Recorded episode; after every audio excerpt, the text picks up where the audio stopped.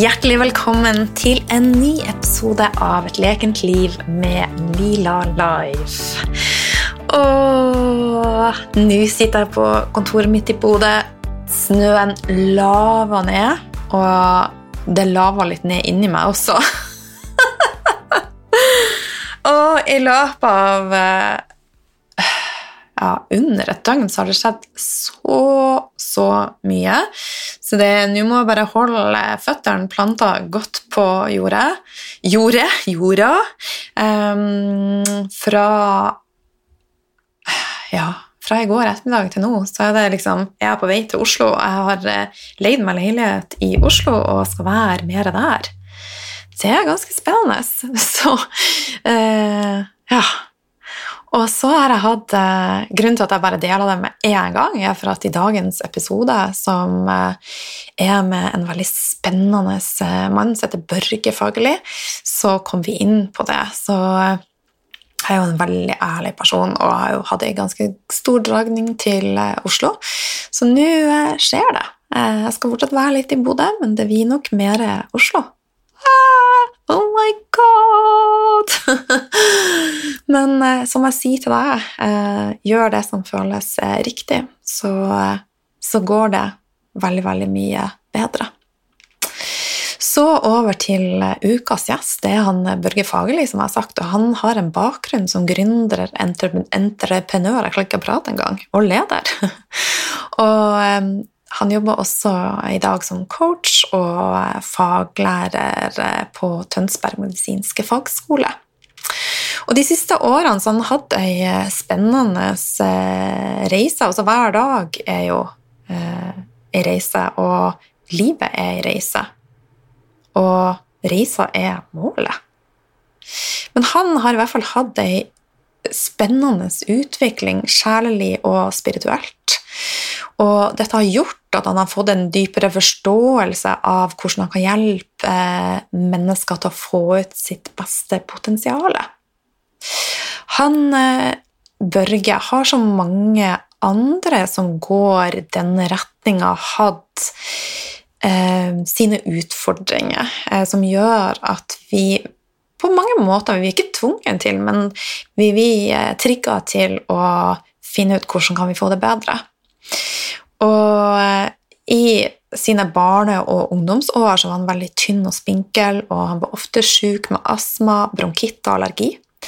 Og han fant raskt, fant raskt ut at hans sterkeste muskel var hjernen. Og allerede fra han var fire år så leste han, og siden så har han lest. Men han har jo også vidt eh, eh, Har også, hva skal jeg si forbedra eh, livet sitt på alle nivåer. Og resultatene til han Børge kom da han knakk koden på kosthold, trening og enda viktigere enn han sjøl trodde, livsstil. Stressmestring, det med søvn og det med biorytme. Og ikke minst det mentale aspektet. Og han forsto at det var sammenhengen mellom både det han gjorde, tenkte og følte. Så denne episoden eh, gjorde at jeg fikk gåsehud flere ganger. Eh, Det var en veldig fin, fin samtale med masse flyt. Og vi snakka om hvem er du egentlig? Nå er naboen her i gang med et eller annet. Jeg vet ikke om dere hører det, men det var den. Han også under innspillinga av episoden. Jeg må bare be om unnskyldning på vegne av naboen. Nå tror jeg det er motorsag. Naboen er en doer. Men i hvert fall i episoden så snakka vi om hvem er du egentlig. Og du er ikke i kraft av hva du gjør. Så det er ikke det som er med å definere din verdi. Og viktigheten av å ikke gå på akkord med deg sjøl. Ønsket om å være en del av noe og tilhøre noe. Det å forstå din plass her i livet og i verden og i universet. Reisa er målet. Takknemlighet. Hvordan bli 1 bedre enn i går? Hvor er du nå, og hvor er det hensiktsmessig at du beveger deg? Lev i takt med biorytme. Og det finnes faktisk ingen B-mennesker, ifølge han eh, Børge, om du er i takt med egen biorytme. Så her har jeg en jobb å gjøre. Optimalisering av helsa på alle nivåer, fysisk, psykisk og spirituelt. Hvordan kan kvinner og menn møtes i syklus, og når f.eks. er det best for en mann og dame å møtes sånn seksuelt, og ja, masse mer rundt det? Og litt om de forskjellige syklusene, for vi har mange. Dette er spennende. Tro meg, så gleder jeg til en episode proppa med nyttig informasjon. Og vi er veldig glad om du liker episoden og deler den videre. Det kan være med å gjøre en forskjell for ett, kanskje mange, mange mennesker. Og så siste ting, hvis du ønsker lekne og gode frokost- og lunsjoppskrifter, så har jeg lagt med en eh, link til min guide som du kan få helt gratis. Med det så er det bare én ting å si. God lytt! Hjertelig velkommen, Børge. Så hyggelig å ha deg med som gjest på podkasten. Mm, tusen takk for invitasjonen. Du, aller først, hvordan starta du dagen din i dag? Nei, Den starter på vanlig måte. den. Står opp med guttungen og sørger for at han har fått uh, tissa på potta og fått i seg mat og fått slått på TV-en. Og så sitter nå der ved siden av han og ja, sørger for at han får i seg mat. Gjør egentlig, Innser sjøl at det gjør veldig mye for guttungen min. Men jeg har tenkt siden han ble født at han skulle få den barndommen jeg aldri fikk. Så det, det er litt sånn overkompensering, sikkert. Å, så fint, da. ja. Men når jeg sitter og gjør det, så kan jeg jo sitte og lese litt på min telefon. Så da har jeg noe Kindle-bøker eller noe sånt så jeg kan sitte og scrolle på. Ja. Mm. Men har du noen eh, gode sånn, morgenrutiner som er viktige for deg, eller har de forsvunnet etter du er pappa? ja, altså, hva skal jeg si? Jeg syns Jeg har jo kalt min egen podkast for Egentid, og det er en form for egentid. Å bare sitte der med han, og han sitter inni armkroken min, og vi snakker litt om det som skjer på TV-en, og, og, så kan jeg sitte og lese litt på mitt. Ja. Jeg syns det er en fin morgenrutine, men jeg, ja, jeg har jo vært der med både Wim Hof-pust og meditasjon og kalde dusjer og, og, alt mellom himmel og jord, egentlig. Binder dønn dett på det aller meste. Um, for at noe skal bli bærekraftig, så må jeg kjenne at det kan forbedre dagen min. Ja. Og det som forbedrer dagen min mest akkurat nå, det er å sitte og være litt med han. Åh, det var veldig ja. fint sagt, da. Og så er det jo jeg tenker at det er jo i faser, altså er jo, Vi er jo gjennom mm. forskjellige faser i livet. Og jeg har jo nå voksne unger, eh, mm. så jeg har jo igjen tilbake til den her mer egentida som altså Det er jo ingen unger som vil sitte på morgenen sammen med meg og liksom Nei. prate om det jeg leser. 14-åringene sitter og ja. De er 18 og 20. og er 18 og 20, ikke sant. Da, ja. da har de vel neppe noe interesse av Da. Nei, så de er Ja.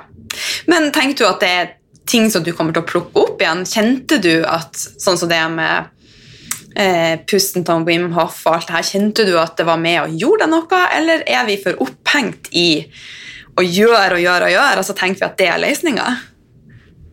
Ja, jeg er nok litt ambivalent til det. Det er mulig at jeg gjør så mye ting utenom at det hjelper meg nok til at jeg ikke får det aller største utbyttet eller merker den største forskjellen på det. Ja. Men jeg må jo absolutt si at når jeg gjorde det, så får du fordi Da vet vi jo pust regulerer jo eh, liksom både puls og eh, hjernebølge, og meditasjon gjør det samme. Jeg tror nok kanskje at jeg har praktisert de her tingene såpass mange år også at ja, jeg vet ikke, kanskje blitt litt mer robust, resilient. Mm to av mine favorittord. Mm. At jeg får ikke den ut, eh, Det utgjør kanskje ikke den aller største forskjellen på min bunnlinje. Nei.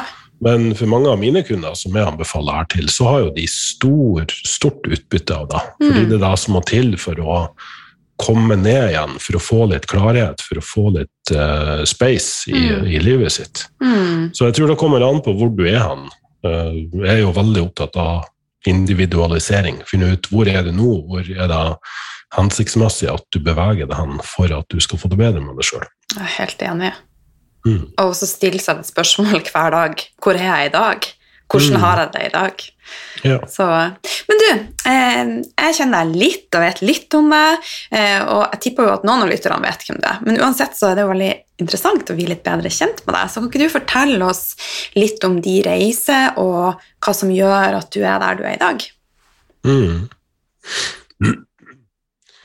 Ja, altså Hva skal man starte med? Um, det som kanskje preget meg mest, var at det var veldig mye syk. Nå sitter jo her med en, en, en uh, bihulebetennelse på bedringens vei, men du kan si da luftveisinfeksjoner var min barndom. Ja. Ørebetennelser, forkjølelser, jeg måtte operere ut mandlene ganske tidlig. Uh, allergi, astma, bronkitt, you name it. Ja. Um, I tillegg så var, var jeg et nabolag der vi spilte fotball, og vi var veldig fysisk aktive. Eh, og så var jeg veldig fascinert av superhelter, og så var jeg veldig fascinert av ninjafilmer. så, så det er klart at min fysiologi, min kropp, var ikke helt der. Eh, og da ble det en stor interesse for meg. Jeg hadde jo lært meg å lese når jeg var fire-fem år, vel. Um, og, og sant, forsto matematikk, forsto ting og tok ting mye, mye, raskere. Så jeg tenkte at det var kanskje veien for meg å gå. Det var å lære meg hvordan jeg kunne få det beste ut av mitt eget potensial. Selv om potensialet var lavere, så kunne jeg kanskje få mye mer ut av det enn andre. Eh, og jeg var fast gjest på biblioteket. Jeg var sånn skikkelig buddies med hun, hun som satt på biblioteket. Eh, for jeg, gjerne, jeg, var gjerne der en gang i uka og tok med meg sånn seks-sju bøker. Og da leste jeg seks-sju bøker i løpet av uke. Wow. Og det var alt mulig. Det kunne være alt fra fotball og håndball til liksom, natur og fysikk og astronomi. og ja, mm. jeg, jeg var innom alt, liksom. Um, så, så det var liksom Min styrke det var å forstå ting, uh, kunne sette ting i system, og så ikke minst kunne lære andre da, få andre til å forstå det. Mm. Um, og når jeg begynte å se at ting fungerte bra, så var jo det en stor mestringsfølelse. At det faktisk mm. ble bedre til å spille fotball, jeg ble raskere til å løpe, jeg ble sterkere. Um, ja, fikk, fikk utbytte den retninga, da. Um, jeg var jo riktignok aldri sånn god nok til at Det var alltid noen som var større og sterkere enn meg, liksom. Eh, men det var kanskje ikke så mye hjelp å drive og sammenligne seg med de andre. Det var mer at jeg klarte å forbedre meg sjøl som var det viktigste. Mm. Ja. Eh, og da oppdaga jeg jo etter hvert at kunnskap eh, har mye å si. Altså det, det vil gjøre at mennesker oppsøker det.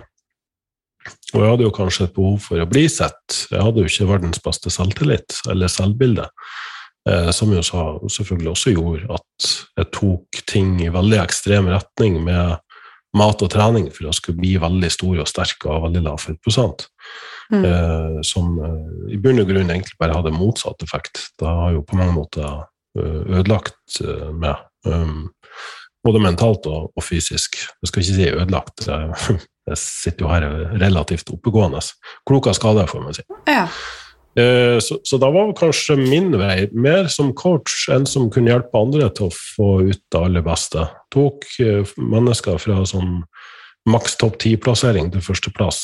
Eh, tok folk fra totalt ukjent til førsteplass. Mm.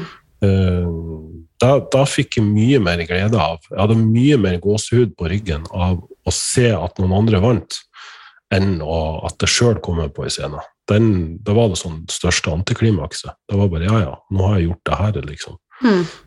Det hjelper jo selvfølgelig ikke at jeg alltid fikk sisteplass, men, men du vet. ja. Så noen ender opp som coach, og noen ender opp som, som utøver. Ja. Men i dag, hva jobber du med da? I dag så er jeg jo coach, for det første. Jobber mest én til én.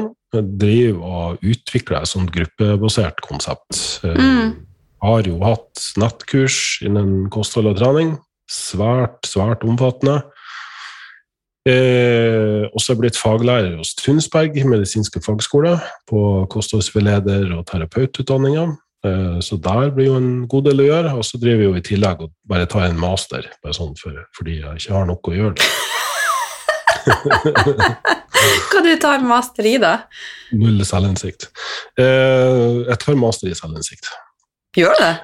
Nei, jeg tar en MBA. Master of Business Administration. Se hvor lettlurt jeg er! Ja. Her bare finnes det en master i selvinnsikt!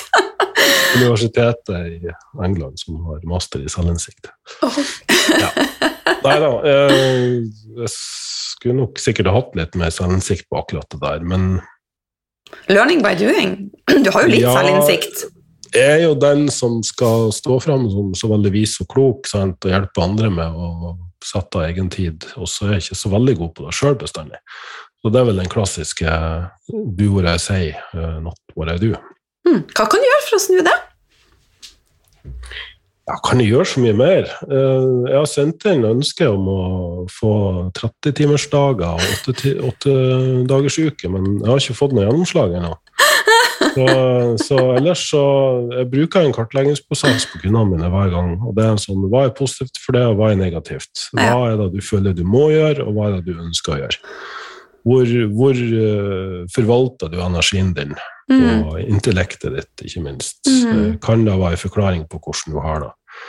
Eh, og da er egentlig bare å gjøre det samme med meg sjøl, og begynne å kartlegge litt. Jeg må ta noen runder på det, for jeg glemmer det litt. Ja, Ja. Så, så det er der selvinnsikten kommer inn. At ok, hva er det jeg ønsker å gjøre, først og fremst? Eh, Hvem ønsker jeg å hjelpe, og hva ønsker jeg å hjelpe til med? Mhm. Um, hva gir mest utbytte, hva inspirerer mest? Um, og så bruk mindre tid på ting vi må gjøre, men selvfølgelig enkelte ting må vi gjøre også. Så Det er det er bare å kanskje forholde seg til det på en sånn måte at det ikke tar så veldig mye energi å gjøre at man blir sliten. Mm. Men du, du har jo vært gjennom en spennende reise. Altså, hva, du har lært at du trenger mer selvinnsikt, men an, altså, har du noen andre ting du liksom vil dra frem som er det viktigste du har lært og forstått på denne reisa di? Um, mennesket er en art som har utrolig mange fellestrekk. Mm. Vi er vel de eneste som prøver at vi er åtte, hva er vi, åtte milliarder mennesker, der alle prøver å gjøre ting på sin egen lille, unike måte. Mm. Eh, og jeg har eh, stor tro på at du finner mer svar i deg sjøl ved å lære deg utvikle intuisjonen, eller den såkalte magefølelsen. Mm. Eh, men at man trenger nok opplevelser og referansepunkter, man trenger å gjøre feil for å lære seg hva som er riktig for deg. Mm. Jeg kan nok fremdeles være tilbøyelig til å um, lese en bok, eh, komme over en, en ekspert eller podkast og bli veldig inspirert og tenke ok, her er en som sitter på sannheten. Eh, Sjøl om det på mange måter strider med det jeg har en magefølelse på. Så, så der kan jeg bli bedre, og der tror jeg de aller fleste kan bli bedre. Eh, vi, vi har såpass mange fellestrekk siden vi er en egen rase, da, altså på jorda, Mm. eh, at, at enkelte er ganske universelle ting. Men eh, samtidig er vi såpass kompleks og har spredd oss over såpass mange områder i verden at det vil ha utvikla seg en del genetiske eh, forskjeller som tilsier at både kosthold, døgnrytme kanskje, trening, hva vi skal trene, eh, hvor lenge og hvor mye vi tåler.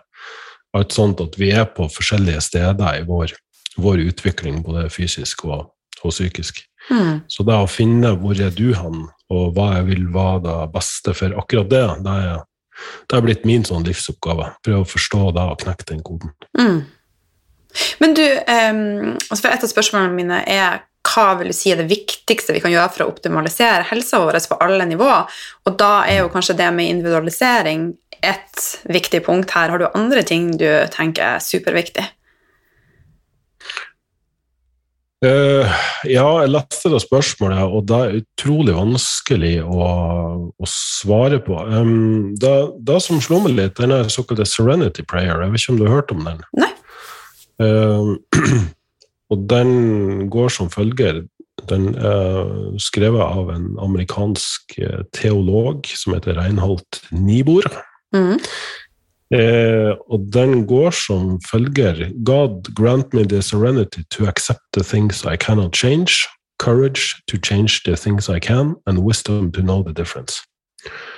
Eller rett og slett bare eh, akseptere det jeg ikke har kontroll over, eller det jeg kan forandre, Mm. men mot til å endre det jeg har kontroll over, det som er min uh, sfære, da, eller min uh, Mm. kontrollområde. Uh, eh. Mm. Og, og visdommen til å forstå forskjellen på de to. Mm. Og den har truffet meg veldig. Den har jeg stadig vekk kommet tilbake til. Det her med å innse at vi går nok rundt og prøver å kontrollere ting som, som er helt utafor vår kontroll. Da gir seg utslag i alle mulige symptomer. Eh, to store temaer for oss er jo da at vi skal dø. Det er liksom det helt uunngåelig, men hvorvidt vi klarer å forholde oss til det eller ikke, Mm. kan gjerne innebære at noen av oss prøver å kontrollere hvor lenge det er igjen til vi skal dø, og hvordan vi skal dø. Og at det kan ja, bli relativt ekstremt, og kanskje til og med destruktivt Mm. eh, i enkelte tilfeller. Eh, og så er det det her med å ta ansvar for endring. Noen ønsker endring, men ønsker ikke å endre seg.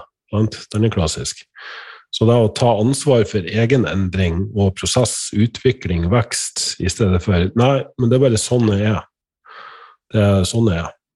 Det er, ikke noe, det er litt sånn offermentalitet i det, føler jeg. Mm. At ja, du er sånn, og du må gjerne kartlegge hvordan du er. Hva er dine styrker, hva er dine svakheter? Men så er det det du er misfornøyd med, det du ikke syns er veldig nyttig, eller gir det noe eh, stor nytteverdi, da kan du i hvert fall prøve å gjøre noe med så godt som mulig. Så viktig. Ja, Og så er det der å forstå forskjellen mellom de to. Og det har en sånn metafor jeg pleier å bruke, og det er at hvis du elsker å spille tennis, så kan du spille tennis, og så kan du øve på det du ikke er så god på, og så kan du rett og slett bare prøve å bli så god tennisspiller du kan. Og så kan du møte opp til en tennismatch.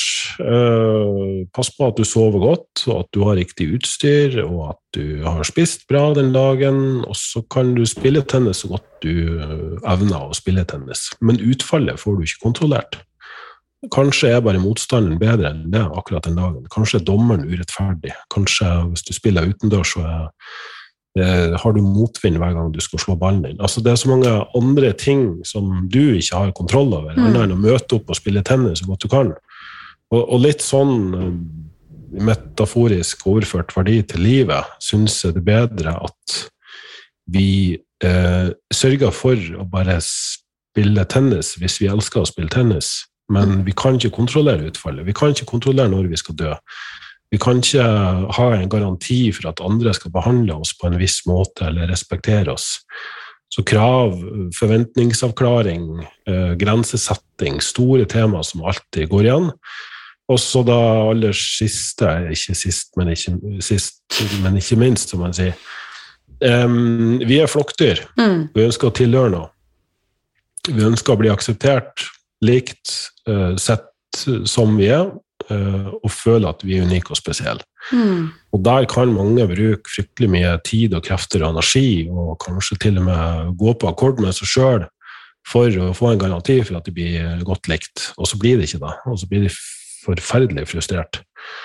Eh, Men jeg tror den aller beste måten å sørge for at du tilhører den riktige gruppa, det er å være autentisk. Det er å tørre å være det sjøl. Det krever vanvittig mye mot, og så krever det du kan ha nok egentid til å kartlegge og forstå hvem er det egentlig du er. Mm. Eh, og du er ikke i kraft av hva du gjør. Altså gjerningene dine er mer en funksjon av underliggende verdier og karaktertrekk.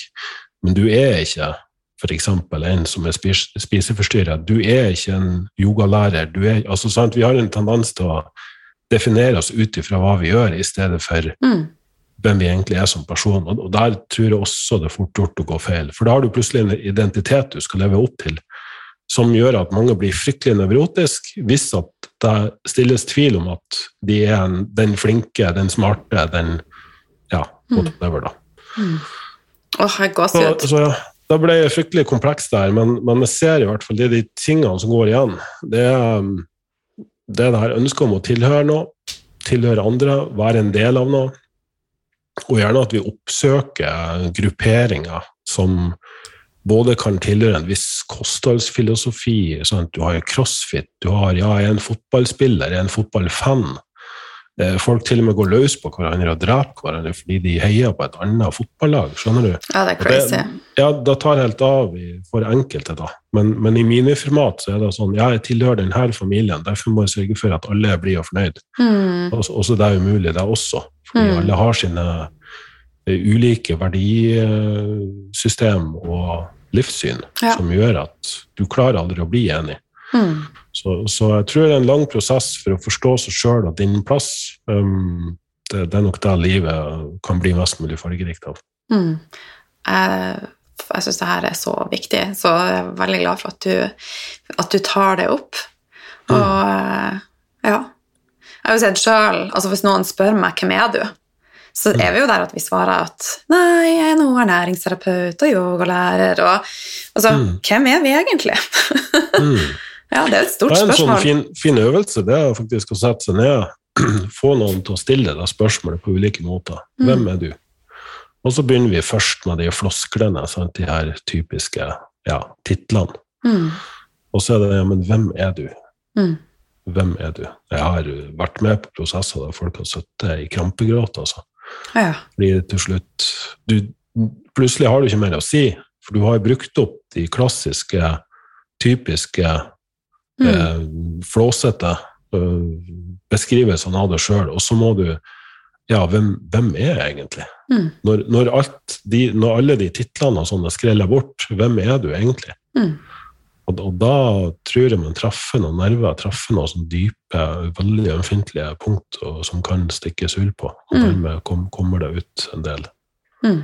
Jeg er helt enig. Og så tror jeg jo mange òg er der at vi er alle de her labelene, og så eh, tenker vi at hvis jeg bare får det, eller gjør det, eller så vil jeg føle meg heil. Eh, og jo mer man får, jo mer ulykkelig kanskje blir man. Så det Ja. Ja, det å prøve å bite sin egen hale da, og jage etter lykke. Det Mm. mindre sannsynlighet for at du oppnår lykke. Mm. Eh, og da jeg også kan si at jeg har folk som kommer til meg og tenker at hvis jeg får, veier, får den badevekta, for den fettprosenten, klarer det løftet, eh, eventuelt for den partneren, for den bankkontoen, for den jobben, da er jeg lykkelig. Mm. Og da vet jeg bullshit, for de har hatt de kundene som har alle de tingene, og de er like ulykkelige og ser etter andre ting som skal gjøre dem lykkelige. Så, så hva om vi heller kunne ha tenkt litt over hva, hva er du takknemlig for akkurat her og nå? Og da vet vi jo fra til og med psykologisk forskning at takknemlighetspraksis eh, øker lykkenivået vårt. Mm. De baseline, um, den er lykkelig, mener jeg. Jeg tror vi er født lykkelige. Jeg tror, jeg tror det er det vi har i oss allerede. Det er Det vi. er, ikke noe, ja, det, det er ikke noe bestemt du skal gjøre, men Nei. jeg tror det ligger så mange lag over deg med krav og forventninger Mm. eh, og fantasier. Mm. Om bare livet blir sånn, da Mm. har jeg all rett til å være lykkelig. Da fortjener jeg å være lykkelig. Mm. Mens der du er nå, nei, det er noe i veien med det. det er akkurat der du er nå. Og det er en så veldig bakvendt måte å, å tenke over livet på. Ja. Men vi er jo pro- programmert til å tenke sånn, så det er jo, Mm. de fleste gjør jo det. Så det handler om å klare å bryte mønster. Og jeg jobber med dette daglig. Jeg går, Nå tar jeg kurs i å skille underbevisstheter mellom bevissthet, og, og det er jo ganske komplekst. Mm, Ja. Absolutt. Så, men så, så spennende. Mm. Jeg, vi skulle jo spille en podkast om bare dette. Ja, er sikkert på alle de har kunne vært egen podkast. Ja. Det er mye å snakke om. Ja, men det med takknemlighet, er det noe du praktiserer eh, daglig, da? Mm. Ja. Det er faktisk en av de tingene som funker veldig bra. Mm. Jeg må, jeg må selvfølgelig minne meg sjøl på det av og til. For Mm. når jeg begynner å tenke at jeg har hatt den inntekt eller den bilen, så, eller bodd på det stedet, da, da hadde livet vært bra. Men, men jeg har det jo egentlig, når du skriller bort alt det der må burde-tankegangene, så har jeg det så bra som det er mulig å ha. da. Mm. Jeg har en jeg har en guttunge som jeg elsker overalt på jord. Jeg har en fantastisk samboer som støtter meg i alt jeg gjør. Jeg bor i et stort hus på landet. Det er ikke mitt, men jeg bor her. Mm. Sant? Um, Jeg jobber med inspirerende mennesker og, og får se at de vokser og utvikler seg. Eh, er sjøl i stadig utvikling og læring og prosess, Eh, Mm. så, så jeg har egentlig alt, Mm. alt på plass. Det er selvfølgelig enkelte ting man kunne ønske, osv., men når jeg opplever at ønsket om det kun skaper stress og bekymring og uro, så er ikke det så veldig nyttig for meg lenger å ha det ønsket. Um, og jeg tror at mange bruker for mye tid på bevisstgjøring over målene sine og jobber for målene sine. I, stedet for å tenke hvor er du akkurat nå, og hvordan kan det bli 1 bedre i dag enn det var i går. Mm. Jeg tror vi har det litt bedre med oss sjøl hvis vi bare Ja, men jeg er på reise. Da skal det handle om reisen, ikke målet. Mm. Nå blir det fryktelig sånn spissformulert og, og filosofisk her, men jeg er helt enig enig, og prosessen og reisa er jo målet. ja, Ja. det er da jeg kommer fram til hele tida, kontinuerlig, at vi trenger gode problemer å løse. Jeg tror vi trenger å gjøre færre ting bedre. Mm. Og med det så kan du kutte ut fryktelig mye støy og surr og, og Mm. unødvendig kaos og stress som bare Mm. gjør at du blir, får det dårlig med deg sjøl. Mm. Jeg er helt enig. Ja, nå er vi på sånn stort sett samme plass i livet. Jeg bor også i et hus som ikke er mitt. Mm. Og nå skal jeg suse litt til Oslo og bo der også. Jeg har leid meg leilighet der. Ja, Og nå delte jeg det på podkasten. oi, oi, oi. Oi, oi. Det er helt nytt. Ja, men det er autentisk. Ja. Men du, Mm. en ting som eh, jeg har lært mye om de siste årene, er det med biorytme og de forskjellige syklusene. Og jeg visste jo ikke at vi damer hadde en eh, egen infradium rhythm, som det heter da. Eh, men det har vært med å forandre mye eh, for meg med å klare å leve mer takt i, i min egen syklus. da. Mm. Eh, men kan ikke du fortelle litt om eh, altså, damens syklus og menns syklus på sånn helt enkelt? Mm. Ja. Ja, hadde faktisk foredrag om det her eh, eh, forrige helg, så det er jo et eh, tema som er veldig langt foran i min bevissthet. Så det er jo det her med døgnrytme eller biorytme. Mm. Vi har rett og slett ei klokke i hjernen vår som heter SCN, suprachiasmatic nucleus. Det er en sånn kjerne oppi der som eh, responderer på mat, aktivitet og lys, i- stort sett. Mm. Eh, og du kan tenke på den som, et, som en sånn eh, dirigent i et orkester. Mm. Symfoniorkester, der en har mange forskjellige avdelinger, og alle skal spille i harmoni. da. Og når alle spiller harmonisk, så blir det vakker musikk. Når de ikke gjør det, når de er ute av synk, så kan det bli litt uh, ulyder, rett og slett. Og vi, de klokkene har vi jo i alt fra magen, sant? så knytta opp mot eh, både bakteriefloraen Det er jo mye oppmerksomhet om bakteriefloraen og hvor mye Mm. den kan ha å si. Og det er sant, eh, magefunksjonen generelt. Eh, Bukspyttkjertelen, den som eh, sant, skiller ut både insulin og glukagon. Eh, vi har klokke i fettcellen, vi har klokke i musklene, vi har i levra, og ja, sikkert en par ting, så, par ting til som vi ikke kommer helt på. Men, men uh, det her er da altså nøye regulert og blir stimulert og påvirka av sant? når du spiser, hva du spiser, hvor mye, eh, hvor mye sollys du får på deg, hvor mye dagslys og frisk luft du får, at du er utendørs, når du er aktiv på døgnet. Sitter du i ro første delen av dagen, og så drar du på trening i seks-sju-tida, og så har du den store aktivitetskurven din der, så er ikke det nødvendigvis det aller, aller beste. Sant? Det er ikke evolusjonært eh, korrekt heller. Nei. Eh, og heller ikke de som sant, skipper frokost, spiser en lunsj, og så har de et massivt matinntak på kveldene fordi de har trent veldig sent. Mm. Da har du en form for sånn, det kalles sosial jetlag på fagspråket. Okay. Da har, du en, da har du en forskyvning i biorytmen din i forhold til hva du evolusjonært og genetisk er eh, optim, optimalt programmert for.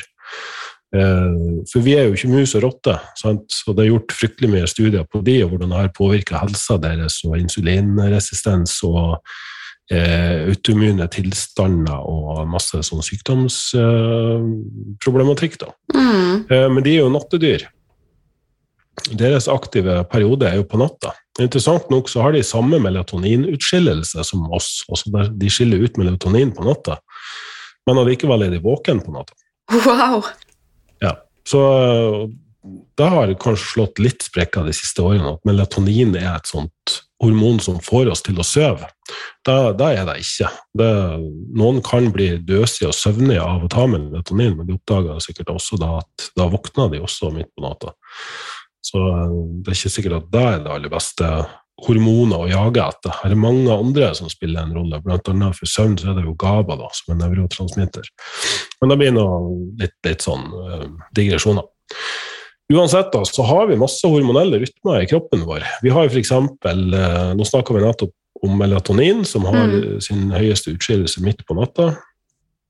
Og så har vi uh, testosteron, som for menn, og egentlig også for kvinner, er høyest uh, tidlig, altså fra sånn firetida til åttetida ca. Menn merker det jo mest på det berømte glutenfrie morgenbrødet. det er jo en sånn sikker indikator på at du har en testosteronutskillelse av den normale pulsen av det. Ja. Uh, og så har vi jo kortisol stresshormon og kortisol da er med på å vekke oss. Du kan ikke flate ut kortisol, fjerne kortisol fra kroppen. Mange, blir så, mange får helt noia for kortisol, men alle, alle, hormoner har en funksjon. Mm. Hvis kroppen har det hormonet, så er det en grunn til at det er der. Da skal du ikke begynne å tulle for mye med det. Nei. Så da vi ikke ønsker, det er jo kronisk forhøya, altså et, en kortisolutskillelse som ikke går i pulser, men som faktisk bare stiger og holder seg høy. Eh, og vi ønsker like lite da en, et kortisolnivå som er helt flatt og uten pulser da også. Eh, progesteron, østradiol, typiske kvinnehormonene, de har òg en eh, puls. Eh, det er vel om morgenen da også, hvis jeg ikke husker helt feil, at de har høyest verdi, men selvfølgelig også da en 28-dagers syklus. Mm. Som uh, korrelerer med menstruasjonssyklusen. Så alle alt det her, de endokrine kjertlene og hormonene har en egen syklus, og så har de også en 28-dagers syklus, noen av de her? Ja. ja. Det, for kvinner så er det i hvert fall det, og det er jo fordi uh, egget skal modnes og fastes i livmora og kun befruktes og bli til en baby. Mm. Så det er nødt til å ha en sånn uh, syklus i mm. seg. Mm. Det er jo sånn- fascinerende. Vi har også en, ja, vi har også en sesongsyklus. da, sånn at uh, Mange av de anabole hormonene, testosteron, de er høyest på sommeren. Når det er høyest temperaturer, mest sollys. Og det er jo også logisk og naturlig, fordi det er da vi både eh, Vi får mest D-vitamin. sant? Eh, mest effektive kilden til D-vitamin er jo sola. Mm. Um, det er høyere temperaturer, det er mer tilgang på uh, mat. Uh, I hvert fall evolusjonært sett er det jo da, mm. i, i løpet av den sesongen. Og, og, dermed er det da mest gunstig å både bli befrukta og sant, bære fram et barn når du har tilgang på masse kalorier. Så det, det, er egentlig ganske logisk at, at naturen har designa det sånn. Mm. Hm. Men hvordan vil du si at vi kan hacke vår eh, syklus på best mulig måte? Veldig, veldig, lite. jeg tror vi prøver å hacke litt for mye. Jeg til og med var på et foredrag om hvordan du skal hacke søvn. og det er sånn jeg tror ikke vi skal, jeg tror det som er problemet, er at vi blander oss litt for mye bort i det som er naturlig. Så jeg tror den beste måten du kan hacke noe på, det er å eh, forsøke å tenke hvordan dine forfedre har måttet ha uh, levd. Mm. Eh, blant annet har det vært en stor greie at um, det finnes ulike kronotyper. sant? Eh, den klassiske A-menneske, B-menneske. Mm. Også morgenfugl og nattugle. Og så er det jo kommet enda flere. og Nå husker jeg ikke de, men det er jo delfiner, det er jo løver, og det er jo litt, litt av hvert. Det har jeg hørt om. Ja. Det er jo skrevet ei bok om, og noen er jo blitt sånn religiøs i forhold til de kronotypene. Ah, nå forstår jeg, ei løve, det er derfor. At, eh, problemet med det er at hvis du tar alle sammen, eh, tar fra dem mobiltelefonen, datamaskinen, tar dem med ut i skogen i et telt, så får alle lik biorytme. Det, er ingen, mm. det er ingen A- og B-mennesker ute i skogen i naturen uten kunstig påvirkning av lys, lyd. Alle spiser til samme tid, alle beveger seg til samme tid. Sant? Men det som er, det er at vi er litt mer ømfintlige for visse påvirkninger, noen av oss. Mm. Eh, det kan ha med alder å gjøre, det kan ha med genetikk å gjøre. Det vet vi ikke ennå. Jeg har sjøl vært ikke bare B-menneske, men jeg tror jeg var helt på slutten av alfabetet. Altså. Det var som, gjennom studietida det var umulig å få med opp før klokka tolv. Og min storhetstid det var etter klokka to på natta. Hadde så mye jeg skulle gjøre, så mye jeg skulle lese. Alt var interessant. Jeg var virkelig som mest våken og funksjonell da. Eh, I dag våkna jeg meg sjøl uten alarm før klokka seks. Og sove lenge for meg er halv sju. Sant? Og jeg har jo jeg litt sånn practice what I preach, vil jeg si. Jeg forstått betydninga av alt det her. Men, men, eh, jeg kan ikke i dag si at ja, men jeg er født B-menneske, og derfor må jeg tvinge meg sjøl opp, osv. osv. Det er sånn klokka ni, da er jeg kjempetrøtt, da kan jeg gå og legge meg. Sovna sovn som en stein. Jeg, jeg, fungerer best tidlig på dagen i dag. Mm. Men har du gjort noe spesielt for å komme dit? Jeg har gjort alt det her som jeg har snakka om. rett og slett tuna. Jeg har en, Mange år gikk jeg på som periodisk faste. Skippa frokost, spiste sen lunsj. Ja. Helt at, og følte meg kjempebra på det. Og Grunnen til det er jo at når du eh, lar være å spise, så vil du øke de stresshormonene. Sant? du vil gi dem en ekstra boost. Mm. Og det er igjen evolusjonært forståelig, fordi hvis du ikke har mat, så må du ut og finne mat. Mm. Da blir du veldig fokusert. Da får du masse energi. Kortisol eh, mobiliserer jo energi fra kroppen vår. Den mm. frigjør glykogen fra levra, sånn at blodsukkeret stiger. Mm. Så, så, alt er tilrettelagt for at ok, kortisol, kom deg ut, finn mat. Her er det snakk om overlevelse og reproduksjon for urmennesket. Mm. Når du skreller bort alle de lagene man må, burde, skulle, så er vi i bunn og grunn bare her for å reprodusere oss og for å overleve. Sørge for at genene våre blir videreført. Mm. Så da medførte det at når jeg først spiste, da fikk jeg fullstendig krasj. For da var alle de forhøya stresshormonene, både kortisol og adrenalin, de gikk da ned til der de skulle være.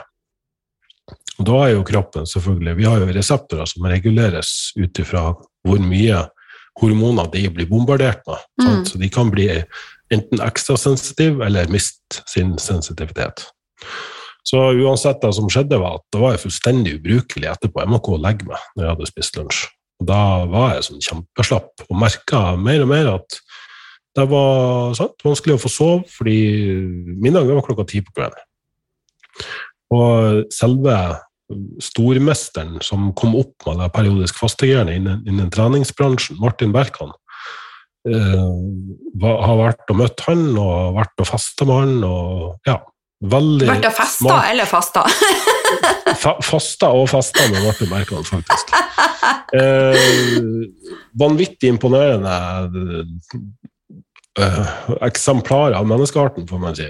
Utrolig smart, men på akkurat det der Han er òg sånn ultra-B-menneske. Så det er sånn Han kunne svare på mailer klokka to på natta. Det var hans arbeidstid. Eh, og da skjønte jeg at ok, kanskje ikke det her er spesielt sunt, i hvert fall ikke når det kom mer og mer forskning på biorytmer. Jeg begynte å interessere meg for det her i ja, rundt 2015, var det vel. at... Nå følger jeg veldig med her, altså. Ja, her var et område som jeg syntes var kjempespennende. Både fordi du kunne se at kroppen prosesserte kalorier bedre tidligere på dagen enn senere på dagen. Eh, det var én ting. Eh, fordøyelse fungerte bedre tidligere på dagen enn sent på dagen. Dette var en periode der jeg både hadde hormonproblemer, jeg måtte gå på testosteronterapi, begynte å få problemer med stoffskifte. Selvfølgelig òg fordi jeg har gått så mange år på diett. Jeg gikk jo sikkert ti av årets tolv måneder på diett og kaloriunderskudd. Eh, fordi det var så viktig å ha sixpack og sånt, lav fettprosent. Eh, og at immunforsvar øh, og egentlig masse funksjoner i kroppen var nøye regulert av de biorytmene. Til og med medisiner funka bedre på visse tider av døgnet i forhold til andre. Opptil dobbel effekt liksom, kan en og samme medisin ha. Jeg husker ikke forskjellen på. Det kommer an på om det er stimulanter eller det er blodtrykksmedisiner eller hva det er snakk om. da. Så, så ut av det her så vokste det til slutt fram en forståelse av hvordan vil det være optimalt? Hvordan kan man gjøre det enklere for seg sjøl? Jeg gjorde f.eks. eksperimenter der eh, kunder av meg som jeg visste var veldig nøye med å følge matplanen. Mm. Spiste alltid nøyaktig det som sto på planen, veide og målte, samme kalorier. Registrerte vekt, eh, brukte sånn fettklyper for å måle meg, målebånd. Alle data under kontroll. Ok, hva om vi nå bare flytter måltidene litt? Hva om vi slutta å spise en kveldsmat og heller sørga for å ha en større frokost, hva skjer da? Jo, ved samme kalorier så begynte en person å gå ned i fettprosent. Og, og, da Ok, nå er vi inne på noe her. Og ikke bare begynte de å gå ned i fettprosent, men de bygde lettere muskelmasse. Og den første tida var det ja, men jeg er så sulten før jeg skal legge meg. Ja, men prøv å holde ut litt. Tok ei ukes tid. Vet du hva? Fordøyelsen er blitt mye bedre. Jeg går mye mer regelmessig på do, og jeg er ikke sulten på kveldene lenger. Jeg slutta å være fysen på, på kveldene. Mm. Da hadde det vært et stort problem veldig lenge. Så, så jeg i det hele tatt bare begynt å tune litt forskjellige sånne ting, og sørge for å være litt mer aktiv i løpet av dagen, og ikke bare sitte på ræva. Eh, treninga får meg på mange måter ikke gjort noe med. Det kan også vise seg å være mest effektiv å trene på ettermiddag, fordi det er da du har høyest kroppstemperatur, og eh, ja, musklene trenger mindre oppvarming for å fungere. Så vi har bedre koordinering, vi har bedre fysisk prestasjonsevne mellom klokka to og klokka seks på dagen cirka. I Mm. henhold til det biorytmene. da. så, så i det hele tatt prøvde å endre på noen faktorer av gangen og se hva var det som ga et stort utbytte, hva var det som kanskje ikke hadde så mye å si. Eh, regulering av lys, ikke sant? sørg for å få nok dagslys, og på vinterstid bruk lysterapilampe. Eh, tone ned belysninga innendørs når det blir kveld og mørkt, og pass på at ikke skjermene du ser på, er skrudd opp på maksstyrke. Jeg har to innstillinger på TV-skjermen. En for dagtid og en for kveld. Mm. Eh, og det her er jo noe som de fleste òg nå har begynt å bli bevisst på. Eh, flyr, tar du flyet vestover eller østover eh, over tidssone, så toner det lyset ned og gjør det med rødt og oransje for å etterligne solnedgang. Sant? Mm. Eh, og vi har nightshift på telefonen eh, som demper lyset når det er kveld, og gjør det mer rødt og oransje. Mm.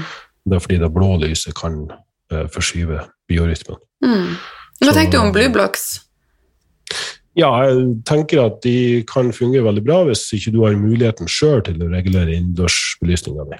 Mm, jeg gjør begge Mm. delene. Ja, da er det ikke så mye å hente på det. Jeg har målt liksom det her søvn-latency, altså hvor lang tid det tar før du sovner, og hvor dypt du sover. Mm. Og da var det en game changer å begynne med som blue blockers. Mm. Men så så jeg at ok, men samme effekt oppnår jeg ved å bare ha en dimmer på lysbryterne og bruke varmhvite leddpærer i stedet for vanlige leddpærer. Um, og i det hele tatt bare manipulere miljøet i stedet for å um, ja, Mm. sette, et filter, sette et filter på. Mm. Lurt. Varm, det Varm, vi- vi jo- varmhvite. Ja, og, jeg husker ikke Kelvin-verdien på de, men um, Og det jo- selges i vanlige butikker? Ja, ja, da har de på Claes Olsson, liksom. Ja. De eh, trenger ikke å være så veldig avanserte. Jeg har jo ei i taket her så, Nei, i taket, sier jeg. I den uh, På rommet sitt, så kan i hvert fall du, du se åssen den ser ut. ja. Det er jo helt, helt vanlig. Ja. Liksom. Ja. Dere som hører på, den ser helt vanlig ut, og de har det på Claes Olsson. Ja. Ja. Leddpære, da, ikke glødepære. For glødepære, de eh, Hvis de har veldig høy lysstyrke, så har de mye av det blå delen av spekteret. Mm. Eh, Eller vanlig leddpære også kan ha veldig mye sånn blått, eh, skarpt lys. Ja, okay. Så du må finne de som er varmhvit. Varmhvit, ja. Mm. Men litt tilbake til det med, med mat.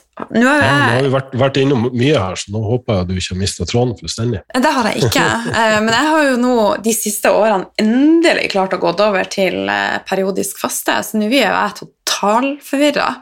Så jeg Mm. spiser jo ikke før eh, typ 12-1, Mm. eh, og så har jeg en middag i femtida, og så spiser jeg et måltid igjen i 9-10-tida, og jeg er jo et B-menneske. Og jeg prøver fortvilt å snu den rytmen, det vet alle lytterne. Jeg har hatt det oppe her på podkasten sikkert i to år. Jeg Ja, klarer ikke å snu det. Så Da da, har du et problem allerede der, at at du har det spisemønsteret. så da er ditt tips Nå kommer sikkert noen av lytterne til å tenke Det er jo ingen fasit på noe! Nei, det er ingen fasit på noe. La meg få bare ha sagt det med en gang. Eh, Det vi har gjort, eller har sett på, det er jo de ulike studiene der du lar noen spise sent og noen spise tidlig. sant? Mm. Spise nøyaktig like mye kalorier. Mm. Men de forskyver spisevinduet tidligere, dvs. Si frokost klokka åtte, lunsj klokka tolv, middag klokka fire-fem. Og så ingenting etterpå. Og så har du noen som da spiser klokka tolv, klokka fire og klokka åtte, ni-tida. Noe Mm. Og så ser vi ok, det gir masse fordeler å spise tidligere. Mm. Synker med at det, da er det dagslys, og da er du aktiv. Um, det som ser ut til å ha mest effekt, det er at du ikke spiser veldig mye veldig sent. Det er det ene. Og det er fordeler med periodisk faste fremdeles. Mm. Fordi periodisk faste gjør at du i bunn og grunn har bedre appetittregulering og ender opp med å spise mindre kalorier enn om du har fri tilgang til mat. Mm. Og så er det jo en hvile for fordøyelsen også. Ja, så da å gå 12-16 timer uten mat i løpet av et døgn Mm. er veldig sunt. Mm. Da er det. Men da å skippe frokost og spise veldig seint, eh, både første måltid og siste måltid, gjør ting litt vanskeligere for deg sjøl. Da må du ha ekstra kontroll på kaloriene dine. Mm. Fordi kroppen eh, håndterer ikke kalorier du spiser veldig sent, eh, mest mulig hensiktsmessig. Vi har Mm. høyere insulinutskillelse av det, vi har høyere, og, høyere blodsukker og lengre høyt blodsukker av å spise mye veldig sent. Mm. Så jo større middag, jo tidligere bør den være. Mm. Så jeg kan fremdeles finne på å spise på kveldene, men da snakker vi liksom ta oss en banan, eh, et glass melk med, med honning i. altså Vi snakker sånne ting. Ja. Vi snakker ikke middag. Så dere har liksom alle romantiske måltid sent på kvelden? Sjelden. Ja. Når vi har romantisk eh, middag, så er det i fem-seks-tida helst. Mm. Så fem-seks-tida, da spiser vi middag. Det er liksom, da er jeg som regel det siste måltidet, men jeg fyser på noe, har ikke spist nok i løpet av dagen, så kan jeg spise klokka ni og klokka ti. Det er ikke Mm. det jeg mener. Men det er ikke store måltider lenger. Det er ikke Mm. tungfordøyelig mat. Nei. Så, så det er relativt sosialt akseptabelt, men det er klart, i dag så er det mange som har fast middag i sju-åtte-tida. Mm. Og det kan være store, gigantiske måltid fordi de har gått hele dagen og småspist og bare snekka. Mm. Blir det da de er sultne. Ok, Ja. Men hvorfor er det da du er sulten? Jo, fordi du har spist veldig lite Mm. tidlig på dagen. Og du spiser veldig lite tidlig på dagen fordi du spiser veldig mye seint på dagen. Mm. Sant? For da er, du, da er du ikke sulten dagen etterpå. Nei. Og da blir hele spisemønsteret forskjøvet. Mm. Da har du en sånn inputen fra levra, eh, bukspyttkjertelen og magen din er ute av synkronisering med SN oppi hjernen din. Mm. Og dermed er det ulike rytmer som kommer litt, litt ut av tune. Du har et symfoniorkester som ikke spiller helt rent, rett og slett. Mm. Men utrolig mye gjøres ved å kontrollere kalorier. Det bare at Du må kontrollere kaloriene litt mer hvis du spiser utenfor den optimale biorytmen. Så det er ikke da at du kan slippe unna med det, men det er damage control. Mm. Det er ikke, det er ikke optimalt. Nei. Um, altså, jeg, har, jeg er veldig fornøyd med alt vekt og alt sånt her. Eneste jeg ønsker å snu, er døgnrytmen min. Men da ser jeg jo at jeg kanskje burde teste og faktisk eh, snu litt og spise litt tidligere. Ja. Spis mer tidligere, i hvert fall. Mm. Og så er du ikke veldig sulten om morgenen. For, for her er jo greia, skal du først bli sulten om morgenen, så må du slutte å spise veldig mye sent. Mm. Så noen prøver ja, jeg prøver å spise frokost, men jeg får det ikke til. Jeg er bare ikke sulten. Ok, slutt å spise klokka ni. Mhm. Ja, men da blir jeg så sulten. Ja, men du skal spise igjen dagen etterpå. Mm. Så jeg tror du klarer det akkurat den ene dagen. Og så Ja. gjør de det, og så tar det tre-fire dager, og så fungerer det også. Mm. Så, så det er med at du må trekke fra før du kan legge til. Mm. vil det som regel gå mye bedre. Mm. Eller så tar du deg smooth og forsiktig, og så forskyver du med et par timer. Altså, jeg er ikke sånn at jeg har ikke noe hard stopp på det her enn noen så strenge regler. Men det er sånn, ok, men prøv å spise innen 10-11-tida, da. Mm. Det var en som kom fram til meg etter foredraget, en eldre mann. Han hadde kjempefint, god helse, sprek som, som en fele.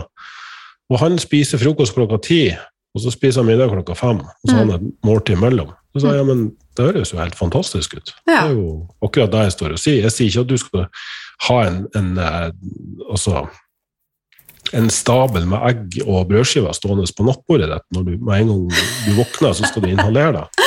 Folk tar deg litt for sånn satt, satt deg på spissen når jeg egentlig bare snakker helt generelt hva som er fornuftig og hensiktsmessig. Mm. Og det, det vil være eh, hensiktsmessig å spise innen én til to timer etter at du har stått opp, Mm. men det er ikke noe altså, ubrytelig regel. Nei. Får du ikke spise for klokka ti, så gjør du det.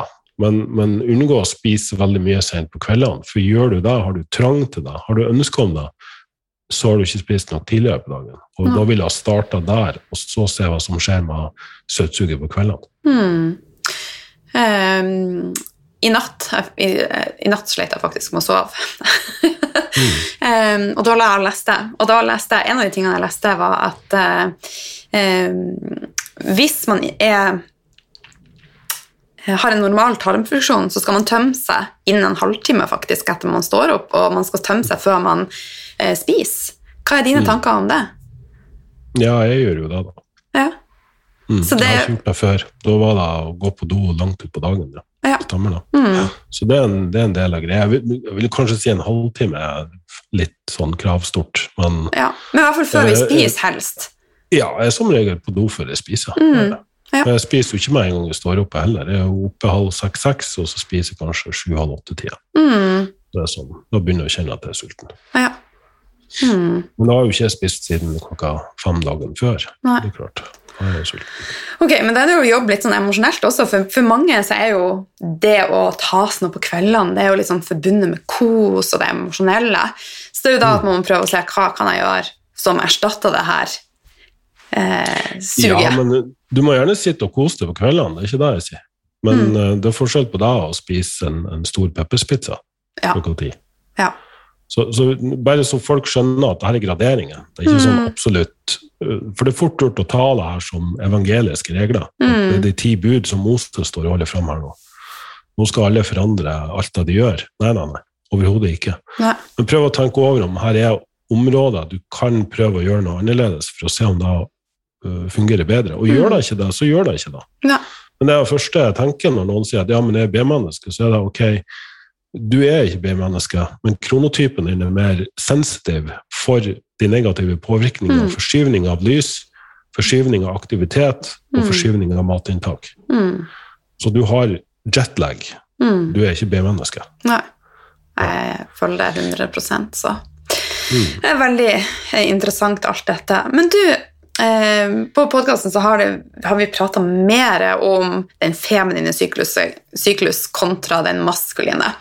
Så hva kan vi damer gjøre for å, å møte våre partnere hvis vi er sammen med en mann, da, eh, på en best mulig måte eh, i forhold til energien til en mann i løpet av dagen? Når bør vi ta samtalen? Når bør vi prøve å innynde oss på sex? Når Mm. trener vi i lag? Når hviler vi i lag? Ja. Ja, hva skal man si? Respektere morgenbrødet. Nei, men altså, Det er jo rent fysiologisk da mannen er mest klar, det er jo morgenen. Mm. Jeg skal jo allikevel ærlig talt innrømme at det er da det passer dårligst. Mm. I hvert fall når man er småbarnsforeldre.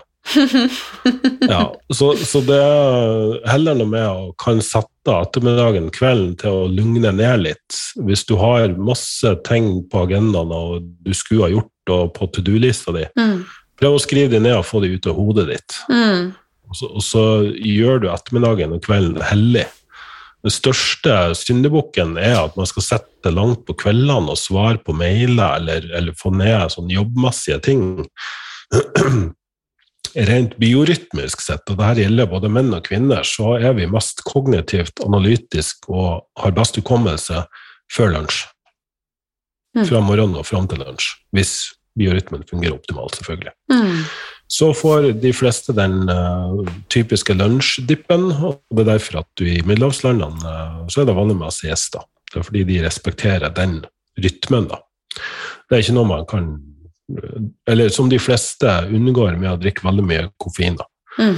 Eh, eller gjøre ting sånn at de skal holde seg mest våken. Men jeg syns det kan være fint å heller respektere det. Mange bedrifter faktisk har gått så langt i å respektere den at de har egne rom der de ansatte får gå inn og bare om de vil sitte og meditere eller ta seg en timinutters napp, liksom, så er det helt greit. Fantastisk. Ja, og da er du mye mer produktiv etterpå. Ja. Eh, hvis du har gjort alle de kognitivt krevende tingene tidlig på dagen, så er du mer mottagelig for å ha møter og samtaler etter lunsj, fra lunsj og utover ettermiddagen. Sent på kveldene, når du også da kanskje har slitt det ut med å ha samtaler og høre på intervjuer, kanskje gjøre ting som har med det auditive systemet, Mm. så er du mest kreativ. Da kan du brainstorme, da kan du skape, da kan du ja, kanskje ha de gode samtalene da, som er litt mer sånn abstrakt av Mm. natur. Ikke nødvendigvis handler om informasjonsbehandling eller systematisering. Det er sånn grovt sett de beste rytmene. Eh, Jeg tror det aller beste man kan gjøre for hverandre, det er å lytte. Mm. Vi har eh, to ører og en munn, og det syns jeg kanskje er veldig undervurdert. Jeg er så er Men, nå, ja, men nå, nå sitter jeg og skravler veldig mye her. Ja, men du er jo gjest. Jeg lytter. eh, ja. Eh, Men det er noe med å jeg vil, jeg vil si en god sekvens å ha i bakhodet hvis du skal komme noen vei i en samtale. Det er å starte med å fortelle hva du føler. Be om å få lov til å bare prate ferdig før du blir avbrutt. Mm. Hva føler du, og hva ønsker du? Først. Mm. Uten å peke fingre, uten å anklage, uten å tenke at det er ditt ansvar, det, det er din skyld. Ikke noe sånt. Bare det her er det jeg tenker og føler, og det jeg ønsker. Hold kjeft, og etter at du har spurt den andre hva er det du ønsker, hva er det du føler på, Mm. og, og klar den jobben, for nå har du blitt lytta til. Nå er det din tur å lytte. Så når den andre har fått delt, og av og til trenger det litt drahjelp, så kan du f.eks. repetere tilbake ok, så det du sier er det her og det her, ikke en sånn eh, Ja, så det du egentlig sier er at det er feit. Altså ikke den der Mm. gå inn for å misforstå, men mer sånn gjenta tilbake det du hører, for å se om du har forstått det riktig. Mm. Stemmer det at du ønsker det her og det her? Og så får du enten en 'ja, det stemmer', eller en 'ja, ikke helt sånn', men enten legg det til, eller så korriger det litt informasjon. Greit. Nå har vi begge fått lufta og forstått hverandre. Mm. Hva kan vi gjøre for å gå videre? Kan vi gå videre? Hva er det første, minste lille steget? Hvordan spiser vi en elefant? Jo, et, en bit av gangen. Hvis noe virker veldig stort og uoverkommelig, så prøver vi å bryte det ned til hva, hva kan vi gjøre i dag? Hva kan vi gjøre i morgen? Hva, hva, da, hva, er det, um, hva er det som haster mest? Hva er det som, som først kan vippe den, det store lasset, Mm. for å si det på den måten? Og da har vi gjerne noe, noe felles som, som vil hjelpe mest. Ok, hva om vi bare setter av tid til det her? Hva om jeg gjør det her, og du gjør det her, f.eks.? Mm. Og da har man på mange måter Jeg har fått tilbakemeldinger fra kunder som hadde verdens villeste sex at de liksom bare fikk eh, lytte og fortelle på, helt uten noe dømming eller vurdering eller tolkning. Fordi jeg tror det er det som sliter mest mennesker ut, det er at alt blir tolka, vurdert og dømt. Jeg er helt enig. Ja. Eh, at vi har alle et filter på det vi hører. Det har vi jo. Det blir jo filtrert gjennom hjernen. Så det, Ja, Gjennom vårt eget verdisystem. Mm, mm, For de her, de her og de her tingene er viktigst for meg. Så det jeg hører, det er det som eh, stemmer meg eller kolliderer med mitt verdisystem. Mm. Men hvis du begynner å innse at vi har alle ulike verdisystem, så da, da du sier, da har vi hva du syns er mest viktig. Ikke fordi du vil gå inn for å, for å skade meg, eller for å såre meg. Det er litt som hvis jeg og du står og ser på et fargerikt maleri, og du forklarer meg alle fargene og motivene, og så er jeg fargeblind. Så blir du jo mer, mer og mer sint på meg fordi ikke jeg ser det du ser. Men det gjør jo ikke jeg for å fornærme deg eller irritere deg. Jeg er jo bare fargeblind. Mm. Jeg klarer ikke å se det du ser. Det som er helt åpenbart for det, er ikke like åpenbart for meg. Ja. Og klarer vi å ha forståelse for at det er masse fargeblinde mennesker der ute, så klarer vi også å sitte litt stille i båten og heller prøve å forstå hvor de kommer ifra. mm. Jeg tror vi kunne unngått kriger altså, hvis man kunne vært mer villig til å anerkjenne og forstå at vi har ulike verdisystem. Folk agerer ikke ut av ren ondskap, men de er på mange måter egoister fordi de ser verden gjennom sitt eget filter, som er sitt eget verdisystem. Mm. Og det er ikke alle som er klar over at de har et verdisystem de ser verden gjennom. Åh, Jeg håper at denne samtalen når ut til hele Norge. Ja, det er jo lov å håpe jeg skal gjøre mitt beste. Ja. Eh, men du, vi skal begynne å runde av snart. Eh, men du beskriver på eh, at du har hatt ei, altså ei utvikling sjelelig og spirituelt, og at du har fått en mer holistisk forståelse for hvordan du kan hjelpe mennesker å få ja, få rett og slett utnytta seg potensialet. Kan ikke du fortelle litt hva du mener med, med dette, og ja, hva som fikk deg på den mer sånn spirituelle reisa, da? Jeg er jo utdanna ingeniør, og har jo, som du skjønte eh, innledningsvis her, brukt mye tid på å forstå ting. Mm, Satt ting i system. Hvordan kan det brukes i praksis? mm, Men jo mer jeg begynte å forstå at vi alle er forskjellige, og jo mer interesse jeg fikk for de tingene vi ikke kan forstå med vitenskap, uh, jo mer jeg søkte mot alternativet, om du vil. Mm. Men så finnes det jo faktisk veldig mye vitenskapelig forskning også, både på liv etter døden og, og reinkarnasjon. Og, og, vi begynte å forstå mye mer akkurat det der. Um, og For en par år siden så slapp til og med CIA flere hundre sider med dokumenter der de hadde brukt uh, klarsynte til å trene opp soldater til klarsyn. Så, så, at vi har latente evner til å forstå ting utafor vår eh, bevissthetsboble, mm. eh, syns jeg var veldig fascinerende, og jeg begynte å utforske det. Alt fra eh, Jeg tror det starta litt i sånn NLP-retning. Med sånn Ok, hvordan kan du modellere måter å tenke på som folk som er dyktige på en bestemt greie, er, mm. sånn at andre også kan bli dyktige på det. Mm. Og så var det meditasjon, og det med å finne roen. Mm. Og så var det å begynne å forstå hva er intuisjon og magefølelse. Hvorfor uh, tar vi ting? Hvorfor kan vi forutse ting, og ikke minst klarsyn? da? Hvordan kan du bare eh, møte et menneske for første gang og så få en følelse av at de har opplevd noe stort og fælt i detalj, og kanskje til og med relasjoner med familiemedlemmer. Så uh, gikk hele veien ned og tok både Soulspring Masterclass og alle de kursene der, som tidligere Engleskolen hos Märtha Louise og Elisabeth Noreng. Um, Silva-metoden, uh, leste de bøkene for mange år siden, har også tatt kurs der. Uh, og så finnes det en god del sånn, bra bøker. da. Du har alt fra Lisa Williams og liksom mange av de kursene der. og jeg har vært hos Lille Bendris en tur. Ja. Så, så, det har jo vært en sånn Ingeniørhjernen min prøver nok å forstå litt for mye av det, mens den beste opplevelsen har jeg når jeg legger fra meg den, den delen av meg. Mm. At, det, at, jeg, bare er mer åpen på hva mm. som kommer. Mm. Og en stor del av treninga gikk ut på å ikke dømme og vurdere, og prøve å forstå det som kom. For reading, altså lesing, det er jo bare å sette ned med øynene lukka foran en person. Mm. Eh, og I starten var det bare kursdeltakere, og da var det jo litt sånn fort gjort at ja, men nå kjenner jeg denne personen så godt, jeg har hørt deres historie, og det er da fort gjort å tolke og mm. forstå ting ut ifra hva de har opplevd. Mm. Eh, men jeg hadde også, der de tok inn vilt fremmede personer som vi aldri har møtt, fikk ikke vite navnet på det, ingenting. Og den personen ble bare satt i en stol foran meg. Først og visste jeg hvem jeg skulle lese på, på forhånd. Det var ikke som jeg bare visste, og det stemte. Og så sitter de med øynene lukka og snakker i 45 minutter i strekk om eh, den mannen i dette tilfellet, og hans familie og hans jobb, og til og med kollegaer på jobben og ansatte på jobben, og, og gikk rimelig detaljert inn på hvordan livet hans så mm. ut. Og da bare sa han, åpna øynene, og jeg bare sa du trenger ikke å si noe, du trenger ikke bekrefte eller noen ting, det her er liksom kun for å øve seg. Så sa han ja, men da, da skal du ha. Han han var veldig skeptisk når han kom inn, men, men nå var han eh, rett og slett Han uh, fikk bakoversveis. Fordi det her var så spot on. Det var sånn skikkelig wow.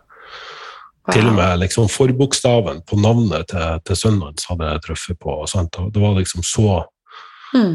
eh, så, så, spot on alt jeg hadde sagt. Og mm. det var sånn, ja, det var veldig fint, veldig hyggelig å høre. Um, og det kan jeg ikke forklare.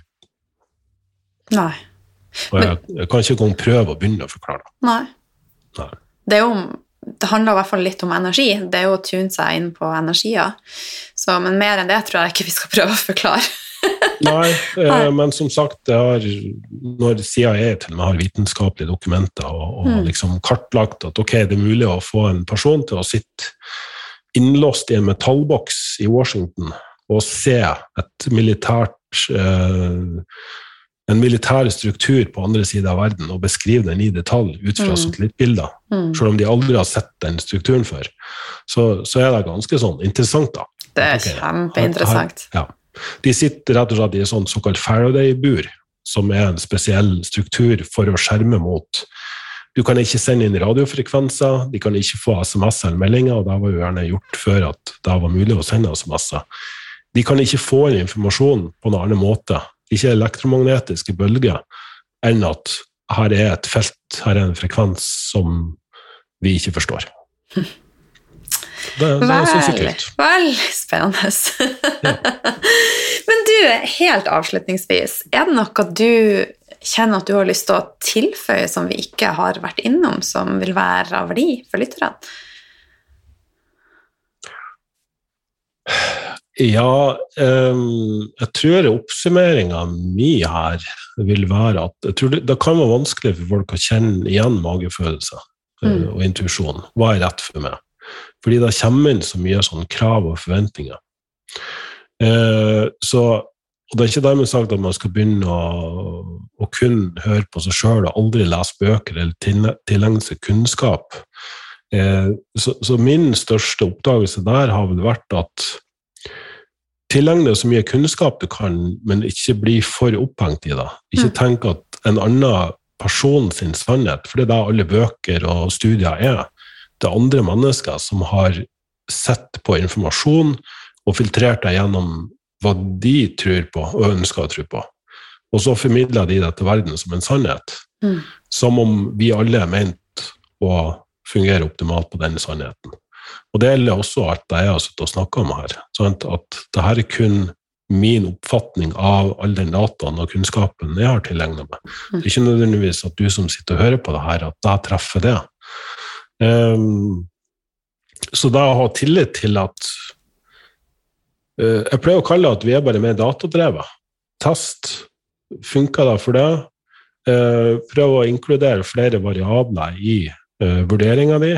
Hvis du har gått f.eks. ei uke med søvnunderskudd og sovet dårlig, mm. og så skal du altså prøve ny matvare, og så blir du veldig dårlig i magen, så kan det være søvnunderskuddet, det trenger ikke være matvaren. Sant? At du, du, skjønner det her med filtrere eller sortere informasjon. Uh, men det å prøve ut ting, og være villig til å prøve da, få referansepunkter, og så justere ut ifra det, og bli din egen beste coach og bruke informasjonen som inspirasjon til å prøve ut mer. Mm. For da kan du få dine egne referansepunkter. Da kan du bli den som i samtaler Ja, de må gjøre det her fordi det er så bra. Og sånn. Og det er sånn, ja, da har jeg faktisk prøvd, og da fikk jeg ikke så mye utbytte av. Det her er det som funka for meg. Mm. Ferdig snakka, liksom. Ja. Så... Jeg tror det er mye bedre for, for, de aller fleste. Jeg er helt enig. Så utrolig viktig. Mm. Vi har masse av svarene i oss sjøl, så ro ned nervesystemet og ro ned livet. Så, ja, klar, ja, klarhet kommer når du skreller bort all den støyen som ligger over hu huene på oss. Mm. Så, så, det er sånn hva, hva i midten, i stormens øye. Mm. der det er stillhet, det der det er klarhet, det der du ser ting. Mm. Da prøve å ta avgjørelsen når det stormer som verst, ikke gjør det. Nei. Så. Klokt. Du, tusen takk eh, for at du eh, satte av tid til å, å, være med oss. Det har vært eh, fantastisk. Um, hvor kan lytterne connecte med deg? Ja, det er jo litt reklame for min podkast egen tid, eh, som du finner på Apple og Spotify. Um, ellers har jeg jo hjemmeside borgerfaglig.no, og så har jeg både ei side og en privat profil på Facebook. Så mm. følg sida mi. Den private profilen legger kun til folk som jeg kjenner. Ja. Og det er vel stort sett der. Mm. Tusen takk, Børge. Ja, takk sjøl.